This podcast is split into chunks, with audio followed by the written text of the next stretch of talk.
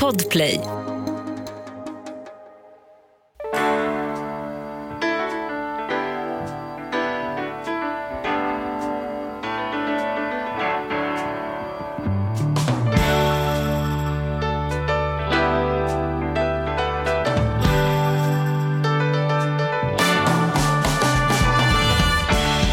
Hej och varmt välkomna till Ekonomi på riktigt med Charlie och Mattias. Så är det. Hur är läget? Du, det tycker jag att det är bra. Ja? Det är ju fantastiskt när det blir lite höst då för en sån som jag som har gått omkring och varit allergisk.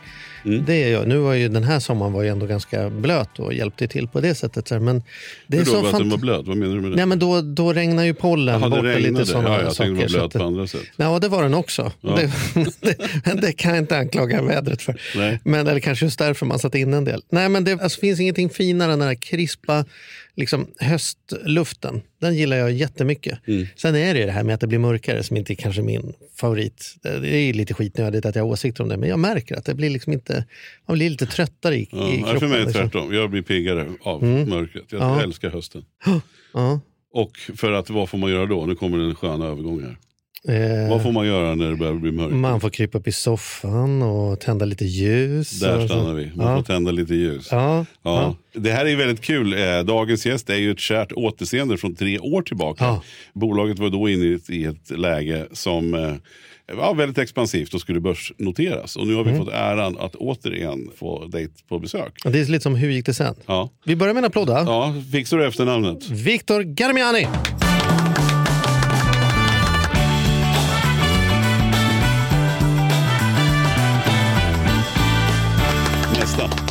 Va? Varmt Mitt i prick, tackar tackar. Ja, det var bit i prick. Ja, Ja, härligt. snyggt. Det, var, Snyggt. det, var, det trodde jag inte. Charlie. Välkommen tillbaka. Stort tack. Ja, Kul att vara eh, här. Kul. För den som inte var med för tre år sedan, ska vi ta detta från början? Därför att du, som jag minns det förra gången, det jag, bara säga, det jag kommer ihåg det var att jag tänkte här, det här är ett sånt coolt företag så om den här podden går åt helvete då ringer jag. Tänker jag. Så här, här skulle jag kunna tänka mig att jobba. Mm. Jag tycker ni hade så skön attityd också väldigt affärsmässigt. Gick ut och bestämde sig för att vi vill driva ett ordentligt bolag. Egentligen inte branschen det viktiga utan det viktigaste är att vi hittar någonting som känns spännande där vi kan utveckla, kan bidra. Och vad vart det då? Det höll på att bli lyftkranar om jag minns rätt va? Var det inte så? Stämmer. Det Men stämmer. det vart inte lyftkranar, det blev Doftljus. doftljus. Jajamän. Precis. Hur kommer man fram till att doftljusbranschen? Ja men liksom? precis, och jag kan rekommendera folk att man går tillbaka och tittar från det här avsnittet Mm. när vi gjorde. Men, men vi- om vi ändå tar några minuter och gör en Mm. summering då. Vi, vi drar det från början. Hur, hur kommer Hur det sig att det du kom till? på att vi ska börja jobba och tillverka doftljus? Ja. ja, men precis som du sa. Det var en eh, knåpande av eh, affärsidé där vi tittade på diverse olika idéer, jag och min fru. Vi hade drivit bolag vid sidan om anställningarna och drömde om att bygga ett bolag som vi kunde leva på och utveckla och ha många anställda och så vidare. Och så vidare. Och titta på många olika affärsidéer. Men en viktig del var att bolaget skulle kunna växa och bli stort och bestå i många år. Och därför så behövde vi hitta något som där vi tillförde branschen någonting, där vi på riktigt var bättre än de största i, i industrin. Och eh, Det vi ofta körde på pumpen var att vi hade en bra idé, det klarade de flesta av våra krav, men det fanns redan duktiga aktörer som gjorde ett bra jobb och där vi inte kände att här kan vi inte tillföra så jättemycket mer. Men sen kom vi då till, till eh, ljus och eh, ja, råkade komma på det på något sätt. Jag vet inte exakt hur jag tänkt på det, men jag minns inte. Och eh, där hittade vi en nisch där vi kunde bygga ett bolag med fokus på hållbarhet. För det gjorde inte industrin. Och eh, Vi såg att det fanns en möjlighet, det fanns en, en nisch att eh, gå in i. Det fanns en, en jättemarknad. Industrin omsätter 75 miljarder kronor globalt. Oj, oj, oj. Eh, Så det finns, det finns att hämta. Och på den vägen är det. Och den resan har ju eh, inte varit spikrak kan man väl inte påstå, men det har ju gått, det känns som om det har gått bara nästan bra, det är vad man hör i alla fall. Eller? Men det inte Har det att- varit, någonsin varit tufft? Ja, väldigt ofta. Men, men som alltid, man förtränger ju de tuffa delarna och kommer ihåg de, de roliga delarna. Så, så fungerar människan i de flesta aspekter. Jag pratade med en kompis nu som nyligen byggt hus som, som haft det väldigt tufft och då var det förseningar och, och, och en hel del krångel. Men, men det vi pratade om det, men snart har du glömt bort allt det krångliga. Så kommer du bara ihåg hur kul det var att bygga huset och, och nj- njuta av huset. Mm. Eh, Och samma sak är det med företagarresan. Det har varit otroligt tufft. Men tack och lov så lyckas man förtränga det och samla energi och komma ihåg de betydligt fler roliga och spännande och framgångsrika delarna som också funnits genom, genom åren. Men som det är nu då, ni har en egen fabrik Mm, stämmer? som ni har byggt egentligen från grunden då kan man säga. Jajamän, det stämmer. Och, och hur många långtradare om dagen? Ja, det kommer jag ihåg att vi pratade om. Vi pratade om, Ja. det då. Exakt. Eh, Jag antar att det har ökat nu då? Det har det gjort. Eh, idag levererar vi eh, motsvarande en och en halv långtradare om dagen. Och herregud. inom ja, 6-7 månader har vi en kapacitet motsvarande vad blir det, fyra långtradare om dagen. Så att vi har investerat väldigt mycket i maskiner sista tiden och i år kommer det vara ett år där vi kommer installera både robotar och eh, produktionslinor. Idag gör vi 25 000 ljus om dagen, teoretisk kapacitet. Beror på vilken sorts ljus vi gör så går det lite upp och ner. Men, men maskinerna klarar av 25 000 ljus per dag. Och snart när vi då har installerat de nya linorna kommer vi komma upp i nästan 150 000 ljus per dag. Men jag kommer ihåg då, för då, då hade ni inget, inget eget varumärke utan ni levererade till exempel H&M, kommer jag ihåg, Rituals. Alla har haft ett ljus från dig men man har inte ens Man tänkt inte på att det är tänkt på att det kommer. Men är det, är det fortfarande så att ni, ni, ni kör inte det här under eget varumärke utan ni tillverkar till andra? Jajamän. Det är fortfarande så, och det är idén även framåt, att eh, vara en bra fabrik, det är vår expertis. Eh, vi är inte duktiga och satsar inte heller på att bygga egna varumärken och, och, och marknadsföra oss till konsument. Utan det vi gör, och där, där hjärtat ligger och där kompetensen ligger och där vi ser en stor potential, det är att bygga en väldigt effektiv fabrik där vi kan tillverka högkvalitativa produkter till en väldigt bra produktionskostnad och så gör vi kundernas varumärke. Så kommer man in i vårt showroom och tittar på de produkter vi har gjort så ser man en otrolig variation. För det är ju, varje kund är unik, har sitt eget koncept och, och vi tillverkar deras ljus. Det är olika varianter på, på behållare, design, storlek med mera. Men gör ni kartongen också? Eller jag- Ja, vi köper in det. Exakt. Vi, vi är en one-stop shop. Det innebär att kunden skickar en design till oss och säger så här vill vi att det ska se ut. Ibland har de redan en doft som de har i kanske andra produkter, shampoo eller, eller kroppsparfym eller vad ibland vill de också ha hjälp att, att hitta rätt dofter. Och vi bygger hela produkten. Allt från förpackningen, behållare, etikett, you name it. Rubbet, ni gör allt. Rubbet, ja. Och så levererar vi Och det då måste ni ha liksom kartongfabrik och ljusfabrik och glas. Glasen köper ni in då från en annan fabrik? Ja, det gör vi. Vi köper glas från glasexperter, vi köper kartong från tryckerier, kartongkonverterare. Vi köper doftolja från så kallade fragrance houses. Vi köper vax från bland annat svenska AK som vi jobbar med, med raps. Ett antal olika komponenter, olika fetter som vi blandar upp till vårt eget vax. Och vi bygger upp det till den färdiga produkten. Etiketterna köper vi lokalt i Örebro från lokalt tryckeri och så vidare. Hur många, om man räknar de som ni anställer direkt och så många som så blir indirekt ni skapar jobb åt på glasfabriker och, och tryckerier och annat. Har du någon känsla för hur många människor som kan ta ut en lön varje månad och se till att barnen kan spela handboll tack vare det här mötet som ni hade en gång i man tiden? hockey nu med. Men okej. Ja, okej. Hockeyn- Jag bara tog något. Jag bara tänkte, mm.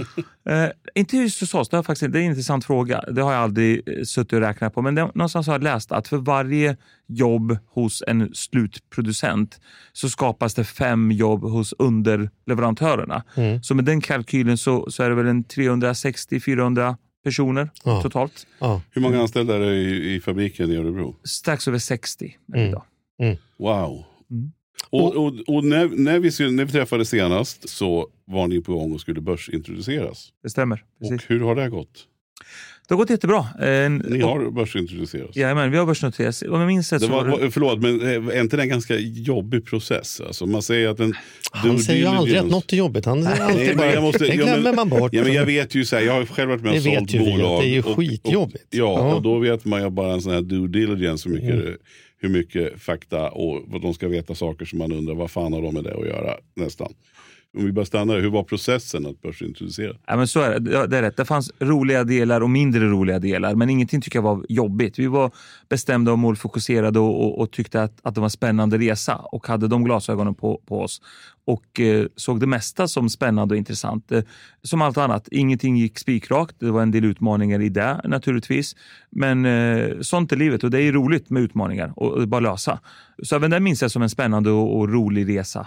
Men vad var den största utmaningen? Kan man säga någonting som så här, jaha, det har vi inte ens tänkt på att det här blir annorlunda nu när vi blir börs, ska försöka börsintroducera oss? Liksom. Ja, men intern kommunikation förstod vi skulle bli annorlunda, Men jag personligen hade inte fattat hur annorlunda. Det kan Mhm. jag säga, det är en, en sån sak som direkt kommer upp i, i huvudet. Att, Hur då? då? eh, ja, men, information som ska hemlighållas för kollegor. Det kan jag säga, även om nu har gått två år och jag börjar vänja mig vid det så har jag ändå inte riktigt vant mig vid det. Jag tycker fortfarande det är lite jobbigt varje gång. Det, det jag vet någonting, jag vill gärna dela med mig, det är en del av vårt företagskultur. Det så vi bygger gemenskap och, och, och, och framåtanda och så vidare. Och så eh, biter mig i tungan, så det där får jag inte säga till den och den personen. Bara den och den får veta det för tidigt stadie och, och så vidare. Så att, Alla har jobbat hårt och sen så helt plötsligt får ni in den här fantastiska affären och så kan inte du säga det på fredagsfikat för Exakt. då kan det påverka att människor vet vissa saker som andra inte vet och så kan de handla aktien och så blir det någon typ av insiderproblem. Jajamän. Bara så att den som lyssnar fattar problemet helt, där. helt rätt beskrivet. Inte det, eh, känns inte det som ansvarig som att det blir som en distans mellan dig och verksamheten som blir liksom på sätt och vis lite läskigt att man går in i en ny fas när det blir inte så mycket familj längre? Eller? Exakt. Jo, eh, precis så. Och, och det skulle jag säga kanske den enskild eh, jobbigaste och, och tråkiga delen som jag tycker. För mig är företagskulturen en väldigt viktig del av, av företagarresan och den delen tycker jag är jobbigt att man inte kan prata lika öppet om, om saker och ting. Och likaså med, med planer. Alltså, vi kan ha långsiktiga planer och strategier. Tillräckligt långsiktiga strategier kan vi prata om öppet för alla och det är viktigt att alla vet riktmärket och vart vi är på väg. Men inte riktigt allt, inte det som är i närtid som inte har kommunicerat till marknaden som kan vara kurspåverkande. Den får vi hålla en, en liten grupp och den, ja, man vänjer sig och man förhåller sig till det. Men fortsatt tycker jag väl det är den tråkiga delen med att vara Men börsnoterad. det är kanske ändå bra att man kan vara öppen med att det just är så. Att man kan kommunicera just det. Att tyvärr så kommer inte vi att kunna. Så att det också finns en förståelse. Exakt. Och det, det är jag säker på att det finns idag. Eh, Och det var något vi jobbade mycket med i början. Att förklara varför vi inte berättar allt. Och då ska också sägas att vi kommer också från ett, ett bolag där vi i en väldigt hög grad berättat om det mesta för alla. Så, så därför blev det extra jobbigt för oss. Vi har haft en sån, ett sånt ledarskapsstil och en sån kultur att alla får veta vad vi tänker och så blir det inte så. Berättar vi, du, vi har ny information, det blir inte som vi sa. Det blir så här istället. Och håller alla informerade även om planer som inte är 100% spikade och, och tänker tillsammans och planerar tillsammans. Och då var det otroligt kul och framgångsrikt och, och spännande och ja, men det har, det har varit ett bra sätt. Idag gör vi det i en mindre grupp eh, och i olika grupper beroende på vad det är för fråga. Mm. Har ni börjat tjäna pengar? Ja, det har vi gjort. Vi har faktiskt alltid tjänat pengar. Eh, Mm, jo, jag har- vet ju det ni har gjort. Men har ni tjänat mer? Alltså, går det bättre och bättre? Det går bättre och bättre, det gör det. Och just nu är vi i en väldigt investerarintensiv period just för att kunna tjäna mer pengar och också använda det för att vara mer aggressiv på marknaden för att ta marknadsandelar. Som ni vet och som alla vet så genomgår vi en kris i världen som blir tuffare och tuffare och eh, det är väl ingen bransch någonstans som inte är påverkad och, likaväl lika väl även vår industri såklart. Men i det ser vi möjligheter. Vi ser att kunderna, och i vårt fall är våra kunder varumärken och, och butikskedjor, de är nu mer förändringsbenägna än eh, tidigare. För att idag har de större fokus på att hitta billigare alternativ, hitta bättre alternativ. Tidigare innan krisen, när det var högkonjunktur och det gick bra, då tog man sig inte riktigt tid att byta, även om vår produkt var mer miljövänlig och mer hållbart till samma pris. Så vann vi över vissa kunder och vissa sköt på det, tyckte det var intressant men inte riktigt kom till beslut. Idag märker vi att, att eh, varenda inköpare har fått tydliga direktiv från vd och styrelse att nu måste vi hitta bättre priser. Inflationen gör att våra priser går upp till konsumenter, vi tappar volym. Och när vi kan komma ut och vara mer konkurrenskraftiga så får vi fler varumärken att byta till oss. Så vi vinner en hel del affärer på grund av att vi satsar extra hårt under, under de här kristiderna som är nu och kommer fortsätta göra. Hur, hur var det, jag tänker jag, så här, i pandemin skulle man ju kunna tänka att det skulle vara en bra bransch därför att folk stannar mer hemma än tidigare. Man flyttar till, ut på landet, man köper på landet och vad vill man ha på landet? Precis som vi inledde med. Man vill ju inte sitta där utan ett tänt ljus. Kände ni så att leverantörerna nästan sålde liksom? mer? Kunde era, leverantörer sälja mer ljus när pandemin slog till än innan? Ja, absolut. Det var ingen jätteeffekt, för vi hade samtidigt en, en negativ del. Vi såg att de länder och de, de kedjor som hade bra distribution, de sålde mer ljus. Samtidigt så var ju distributionskedjan ganska störd, för vissa länder var så pass nedstängd att det enda man kunde komma till var apotek och dagligvaruhandel och där finns inte typiskt sett våra produkter, utan finns ju de billiga ljusen. Men, men våra produkter som är premiumsegmentet, de butikerna var stängda. Så i, i vissa delar av eh, kedjan så, så hade vi på grund av distributionsstörningar ett tapp och vissa delar som var öppet så hade vi en uppsving för de som var öppna de sålde mer, precis som du säger, folk använde mer ljus. Det vi ser är mer en, en effekt nu efterhand, att fler och fler har upptäckt bättre ljus. De som upptäckte fortsätter köpa det. Premium doftljus är typiskt sett en produkt som fungerar väldigt bra att sampla och dema. Köper man ett ljus så köper man gärna ett till och ett till och samma. Det gäller att få ut första ljuset och det är något som många av våra kunder jobbar med. Och, och Den aspekten var ju pandemin bra. Många var hemma, tände mer ljus och fortsätter tända ljus. Mm. Så att det ska, liksom, kakan växte kan man säga. Mm. Men eh, hur är det då, tänker jag, att den här klassiken att man är liten. Nu är inte ni så små längre och nu kanske riskerna har gått ner. Men jag tänker att, att leverera till de här stora jättarna. Vi pratar H&M till exempel. Då. Vi behöver inte, det kan vara vilket som helst. Men vi säger ett sånt bolag som H&M som är så oerhört stora. Finns det ingen risk att när ni har väl börjat producera till dem och ni har satt upp linjer, ni har köpt in extra maskiner, ni har gjort dealer med olika liksom. Och sen kommer de och säger att nu vill vi nog bara betala vi vill betala fem kronor mindre per ljus. Annars så går vi till någon annan. Och sen har ni gjort stora investeringar och sådär. Har inte det varit läskigt? Det måste du ju klura på. Ja, exakt. Väldigt ja. mycket. Nej, men mm. så här, äh, återigen, i just vårt segment, när vi jobbar med premiumljus, så har vi kunder som har väldigt stor krav på kvaliteten. Och Det gör att, att priskänsligheten går ner kraftigt. Eh, för kunden är det otroligt viktigt att ha rätt kvalitet, att inte göra sin kund, konsumenten, alltså besviken och det första varumärket och, och det gör att det spiller över på deras övriga produkter. Och Det gör att, att prispressen blir desto mindre. Hade vi haft kunder som var i dagligvaruhandeln, om vi skulle sälja till Lidl eller, eller alltså riktiga lågpriskunder, där är det mer fokus på pris. Kommer en konkurrent och kan vara behöver inte vara 5 kronor, det kan vara 50 öre billigare. Då blir de mer förändringsbenägna och vill byta. Men de kunder vi har, de är svåra att få in, det tar längre tid, det är mycket provvänder, det är väldigt många avdelningar hos kunden som ska godkänna produkten innan alltså, vi kommer Så in. det betyder att de också har lagt ner mycket tid och ja. pengar på det. Så att, så att har man kommit fram då, då är det en stor grej även för dem att byta. Exakt, så att säga. exakt. och ja, det gör man inte. Och det, det är både bra och dåligt. Det tar lång tid för oss att få in nya kunder. Vi jobbar med en kund typiskt sett 9-12 månader mm. innan du blir kunder. Från oss kan det vara 6, 7, 8 personer från kundens sida, oftast ännu fler. 10 personer involverade i själva bytet. Men å andra sidan så tappar vi inga kunder utan så länge kunden är nöjd och produkten säljer hos kunden så fortsätter de köpa hos oss.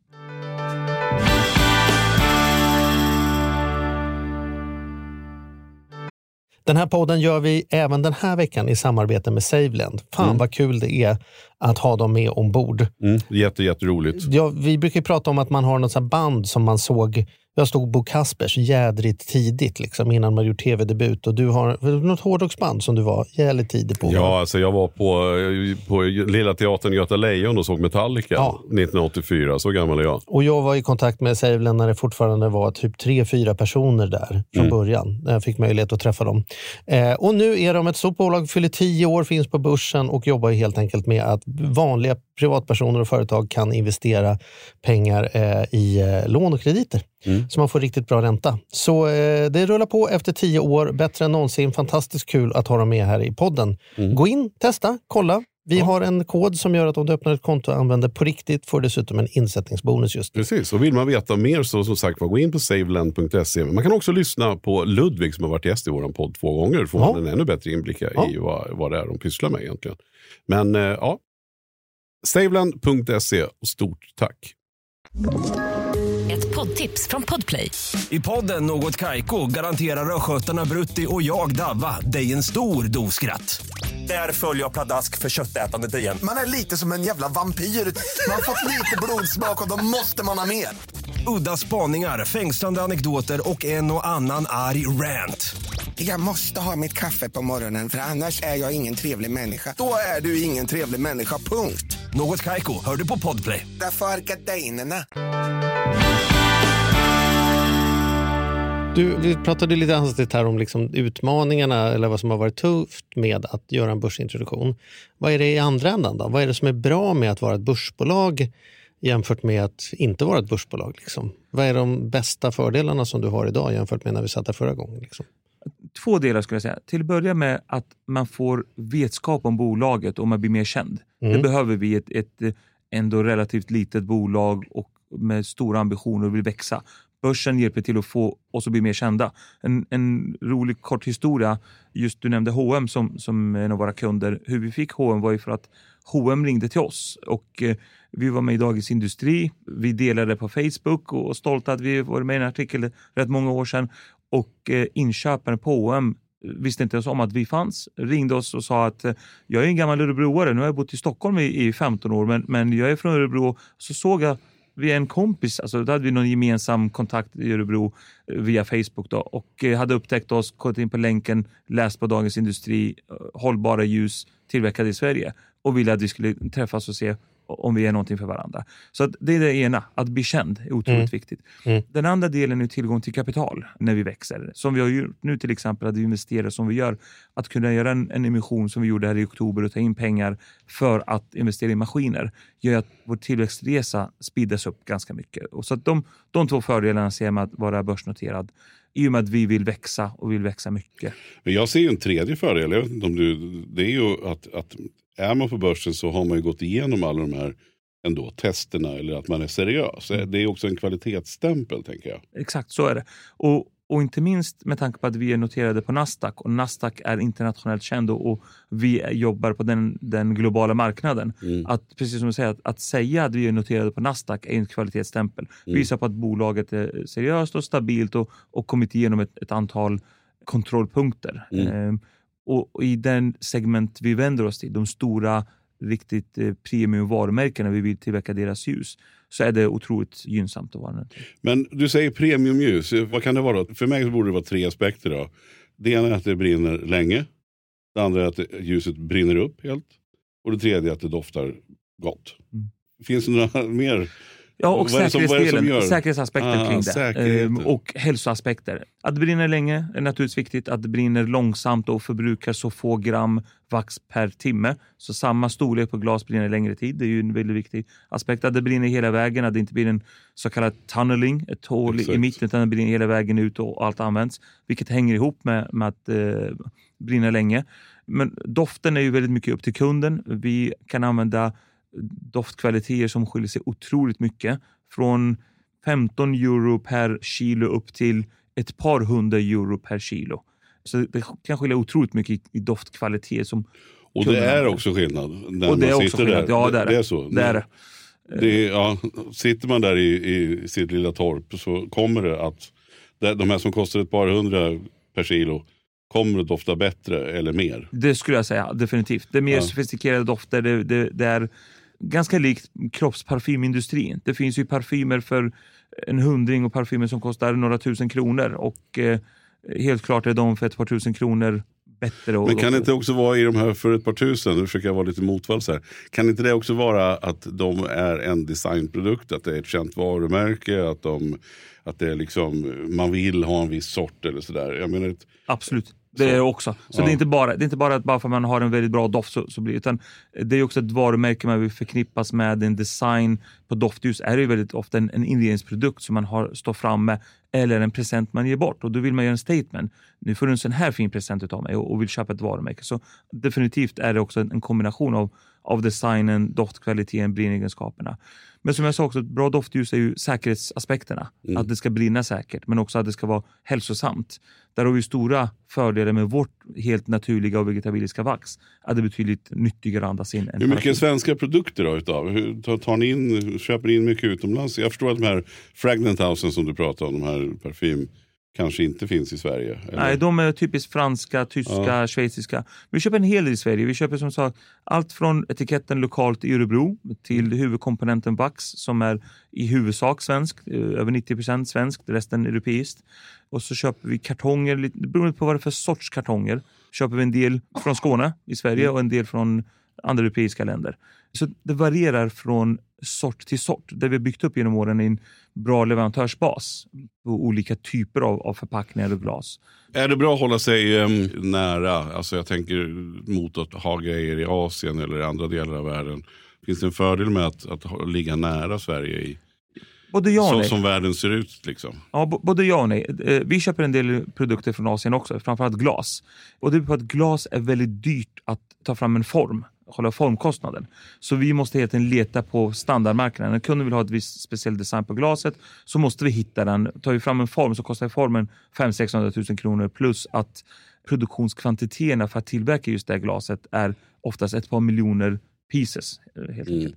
Och då gäller det för oss att, att ha en väldigt bred bas av leverantörer för att hitta exakt den designen. Och där är ju till exempel Kina väldigt stora, med Vietnam till viss del, på just glasproduktion. Det finns många glastillverkare. Ibland hittar vi det i Tjeckien, ibland hittar vi det i Polen, ibland hittar vi det i England eller så hittar vi det i Kina. Men tittar man på pris och hållbarhet eller tittar man, vill man hålla sig närmare? Vill man gå från Man vill hålla sig fördelar och närmare. jobba i Europa? Jajamän, man vill hålla sig närmare och, och, och i väldigt stor del köper vi i Europa. Det är närmare, det är mer hållbart, det går snabbare, vi binder mindre kapital och det fungerar mycket bättre. Men allt kan vi inte köpa i Europa utan man måste kombinera liksom med pris och, och helt enkelt hitta det. Vissa sorter, återigen på just glas, finns inte i Europa, just den sorten. Just för att kinesiska bolag har blivit väldigt stora på glasproduktion.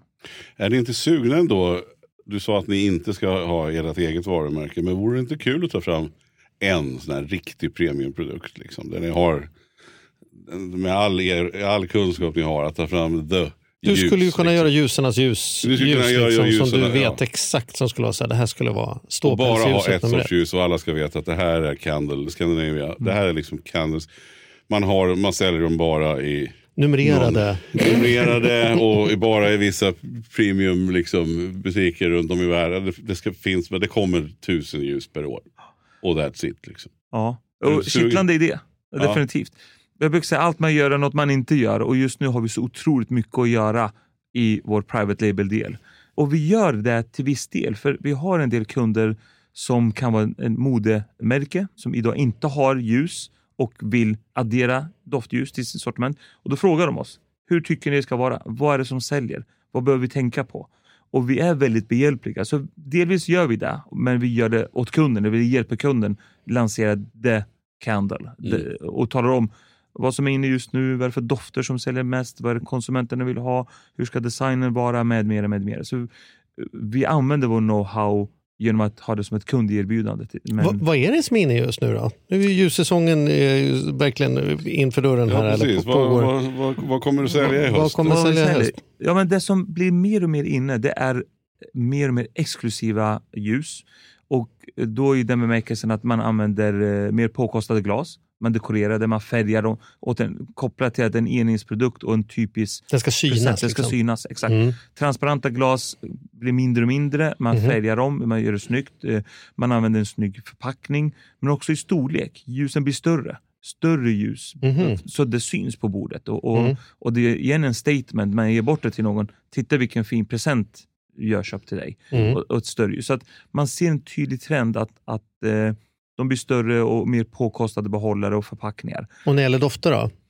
När det gäller dofter så blir de mer maskulina dofterna mer och mer populära. För några år sedan, tre, fyra år sedan och fem år tillbaka något sånt, så var det väldigt mycket rena, fräscha, clean cotton, eh, bomullsdofter väldigt inne. Idag säljer det inte lika mycket, utan idag säljer mer träiga och eh, amber, alltså en mer herrparfymaktiga dofter är Mm. mer populära. Jag upplever att även herrparfymerna har blivit mer så också. Mm. Att det liksom går hand i hand med, det, det är mer av mycket. Liksom. Exakt. Ja. Lite tyngre, mer dova dofter Mm. är väldigt populärt. Så jag kommer ihåg att vi fick lära oss för tre år sedan, kommer du ihåg det? Att det finns två dofter i ett doftljus. Nej. Du har glömt bort det? det har Ja, det får du glömt bort år. Det finns kalldoft, och så om jag kommer ihåg det rätt nu då, som är det man känner när man luktar, när du, när du står i butiken och luktar. Doftar heter det. Doftar. Men det är något helt annat än vad själva eh, ljuset doftar sen när man tänder det. Ah. Så det är ett som är i, som är tänkt att när det värms upp dofta och ett som är på för att vi ska kunna fatta beslutet. Var det inte Ja, så? jo, det, det stämmer eh, Nästan. nästan. Det är tre år sedan, men Ja, jag tyckte exakt, det var bra minne, fantastiskt. Ja. men så är det. det. Kalla och, och det varma. Och Utmaningen är att få det att dofta likadant. Det kalla är det man säljer på som, som butik. Kunden kommer dit, ni ska in och köpa ett ljus. Det här det tycker jag om. Ni doftar i i glaset och, och får en, en doft som ni finner behagligt och det här vill jag ha hemma hos mig. Och det gäller att ljuset doftar precis likadant när den är tänd. Vilket det ju verkligen inte alltid gör. Det exakt, Nej. precis så. Och det, det är den delen som, som är en del av den utveckling vi gör å- åt kunderna. Nu, Kunden väljer en doft, vi, vi gör prover som de testar och doftar kallt och ett antal personer på, på kontoren och så vidare. Den doftar precis som vi vill och så tänder man det. Doftar det likadant eller ändrar den karaktär? Och det gäller att se till att den inte ändrar karaktär för då gör man ju kunden besviken. Och det, det igen, för att komma tillbaka till vad är ett premiumljus? Det är en av de aspekterna som vi jobbar med när vi jobbar med våra produkter, att det är ett premiumprodukt. Att, återigen, det är ju väldigt ofta som våra kunder har den doften i fler produkter. Så kunden Just det, köper just det. De vill ha, det ska rumsdofter. gå, i, gå ihop med... Exakt, Mm. i hela Ja. serien. Och då är det väldigt viktigt att vi levererar den doften hela vägen. Både när de doftar i butiken, så att det här vill jag ha, och när de tänder hemma så ska det vara exakt samma doft. Ibland läser man ju på, eller ganska ofta läser man brintid och sådana saker Mm. på ljus. Och då skulle man gärna vilja kolla om det finns någon sån här Konsumentverkets lista på hur fan det här går till. För att det känns ju som om det där är lite som längden man kunde åka på en tank på bil för några år sedan. Att det verkar lite taget i luften. Det står en brintid som inte alls behöver stämma. Liksom. Exakt. Hur känner, liksom, är det något så här, finns det något så stora ljusrådets självsanerings, eh, liksom, nu får ni skärpa er och inte säga att eh, 20 timmar när det är två. Liksom. Ja, nej, tyvärr gör det inte det. Tyvärr gör det, inte det. det. Det skulle behövas. eh, Och det är klart, vi kan ju bli väldigt frustrerade ljusnördar som vi är. Och vi, vi köper ju väldigt mycket doftljus på marknaden och, och testar och ser hur de brinner och hur länge de brinner. Och, och ser ett och annat eh, påstående som de inte ser i, i samma ballpark, eh, i ärlighetens namn. Men återigen, är- när vi jobbar med premiumljus så har våra kunder krav på detta. Våra kunder, de vi jobbar med och de vi säljer till, de håller de timmar de skriver. Mm. Annars förstör de sitt varumärke och gör de kunden besviken. Det är ju så att det brinner 60 timmar och kunden kommer hem och så brinner 40 timmar. Då tycker man det är ett dåligt varumärke att köpa några produkter från dem, även, även övriga. Däremot tittar man på de lite mer eh, mindre seriösa eller mindre eh, premiumsegmentet. Där kan de ju hugga med med diverse brintider. Där de, man undrar när, när kom de upp i det? I vilket labb lyckades de ens eh, simulera fram det på något sätt? Så Mm. Tyvärr finns det ingen bra organ för att liksom sanera upp sånt här utan det finns en hel del osanningar på förpackningar och felmärkta ljus och, och sådana saker. Som, Men är det inte värmeljus, den klassiska lilla värmeljuset? nej, det är ingenting vi gör. Nej, exakt. Vi, För, för där är ju så här, min fru är väldigt bra på ljus. Alltså hon, hon, vi har, Riktigt ljushuvud. hon är ett riktigt ljushuvud. Hon Mm. står för all form av, och det är allt då från premium doftljus till väldigt mycket sådana här små värmeljus i fina olika grejer. Och hon, nu kommer inte jag ihåg vilket som är vilket, men ibland kan jag komma hem med en om jag har varit på Biltema eller om jag har varit på Ica eller om jag har varit på Ikea. Jag vet inte. Men ibland kommer jag hem en, från någon av de här butikerna. Och hon säger nej, nej, nej, nej. De, det där är ingen idé att köpa. De, de, de brinner inte upp och de funkar inte. För mig är det så här, värmeljus är värmeljus. Ja, Men det är jag- jättesvårt som kunde förstå men jag skillnaden. att det är inte så. Vissa är betydligt mycket bättre. Ja. Även i det segmentet. Även i det segmentet, exakt. Och, och det blir ju så, som konsument, som din fru, lär man sig. Man Mm. vet efter ett tag, man, man låter sig luras en gång, man kanske inte låter sig luras två gånger. Och, Mm. och, och köper man mycket ljus så lär man sig efter ett tag, att det här märket, det vill jag inte köpa, för det är bara massa luft i den. Det är lite så man fuskar, man blandar i massa luft i, i, i vaxen. Så att du får en viss storlek, men du kan nästan känna på vikten att den, den väger ingenting. Och Men du är ju så smart så att jag kan inte komma på någon idé du inte redan kommit på. Men varför har ni inte ett litet laboratorium som gör så här, burntime.com som bara liksom alla ljus som kommer ut på marknaden tänder ni, filmar i realtid, lägger upp hur många minuter det var så skulle ju det liksom kunna liksom sprida någon awareness för sådana som jag som inte kan se skillnad kanske nödvändigtvis på, ja, på viss exklusivitet, klart, men värmeljus då till exempel, även om det inte är en bransch, så är det jättesvårt för mig att bedöma. Den här är tre gånger dyrare, ja men den är också tre fyra gånger längre brintid, säger de. Men vad är det värt? Exakt. Kan det inte något så här ljustoppen eller något sådär? Att, Ja, väldigt bra idé. Väldigt bra idé. Om man bara hade nog med timmar på, på dygnet. Men det är faktiskt en väldigt bra idé och, och det är ju något som... Kanske som du ska börja sälja in dina tjänster. Här. Ja, Ja. ett nytt jobb för mig. Jag kommer in på morgonen, tänder 100 ljus, drar igång 100 kameror, så sitter jag bara och andas in det där. Ja, och, och sen så, dem. och sen så bara ser man, papp, där var det 62 timmar på den, 42 på den, så kan vi räkna ut, som har tonåring, alkohol per krona, kan man liksom räkna ut brinn, Ja, men det, minut det är per ju krona. brintid man är ute efter Ja, egentligen. ja. Nej, det här Ja, måste exakt. du nästan. Här får bli en litet Ja, ljuslabb tycker Den, jag. Mm. den tar jag med mig tillbaka. Ja, men det är en väldigt bra idé och det är klart, vi som den större aktören i, i, i branschen har ju det ansvaret att är det någon som ska göra det så är det antingen vi eller, eller någon inredningsbloggare eller någon annan som, som sätter fokus på detta. Så att, Mm. eh, idén är jättebra. Definitivt. Men du, vax säger du. Vad, vad, vad kommer... Jag, Vad är vax? När jag var liten, och det tycker jag fortfarande är fantastiskt. Då var min mamma med i någon... Jag menar, hon, hon pysslade med allt möjligt. Och jag har något minne av då när jag fick tända sådana här bivaxljus. Man rullar ihop sådana just här till en liten rulle. Och doften från de där, när jag, när jag känner den doften då, då sk- skjutsas jag tillbaks till mitt vardagsrum när jag var fyra år eller någonting. Och sen var jag nere i Österrike för inte så länge sedan i Salzburg på någon julmässa. Och då fick jag syn på sådana där ljus. Så jag köpte väl en sju, åtta stycken. mig. Sen brann de inte så himla bra, men, men det var ändå liksom den här känslan. Men, men när du säger vax, var, var kommer vaxet ifrån? Exakt, det finns ju många sorters vax. Det finns ju stearin, det finns bivax, det finns paraffin, det finns våra vegetabiliska eh, vaxer. Det vi gör är vegetabilisk vax, i huvudsak raps. Svenskodlad raps. Det är vad vi gör våra ljus på. Det är egentligen matfett.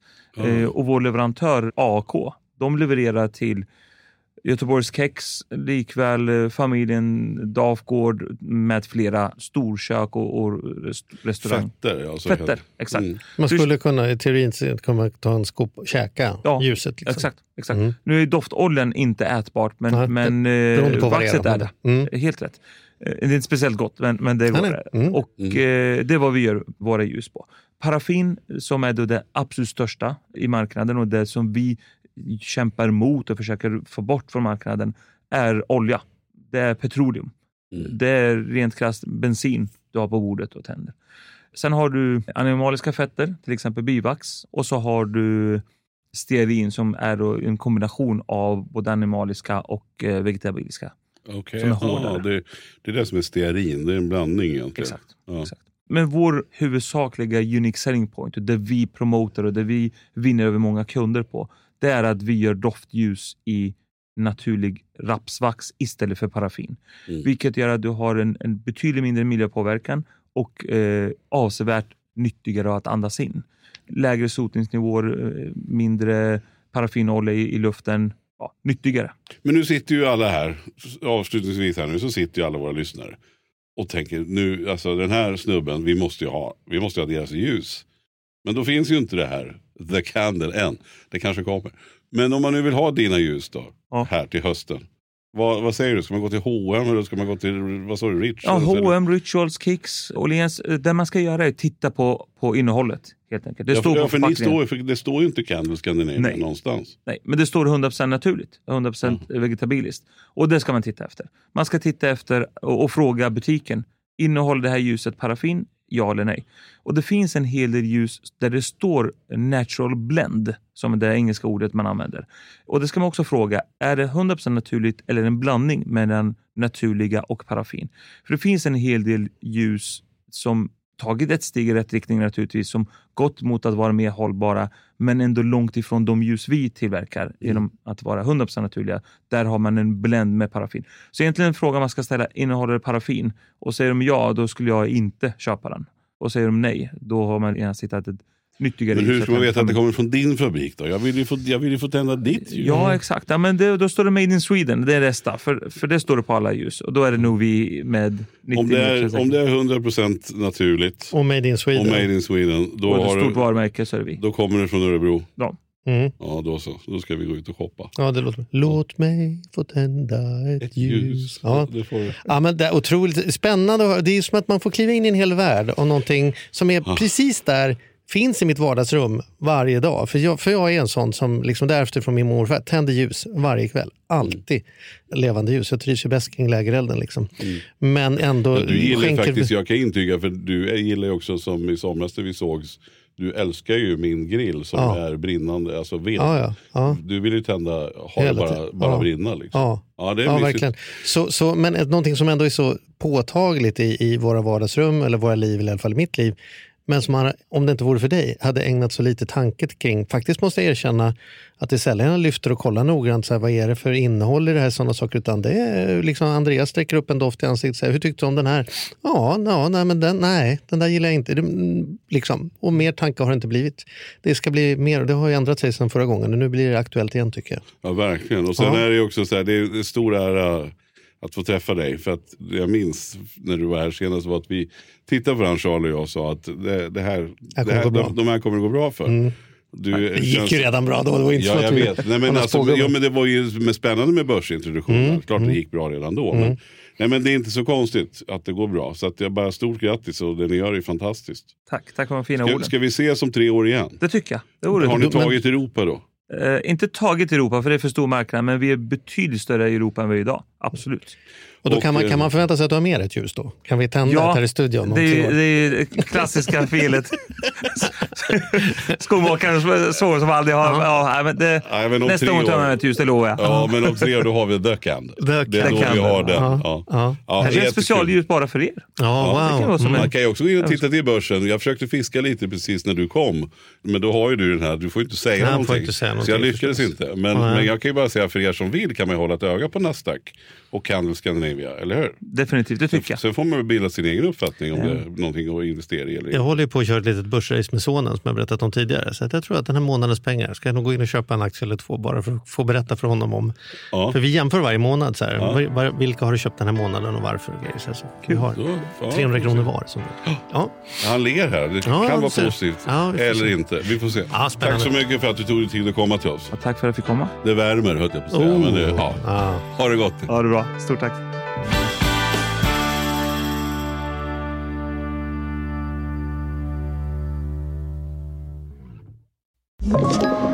Podplay.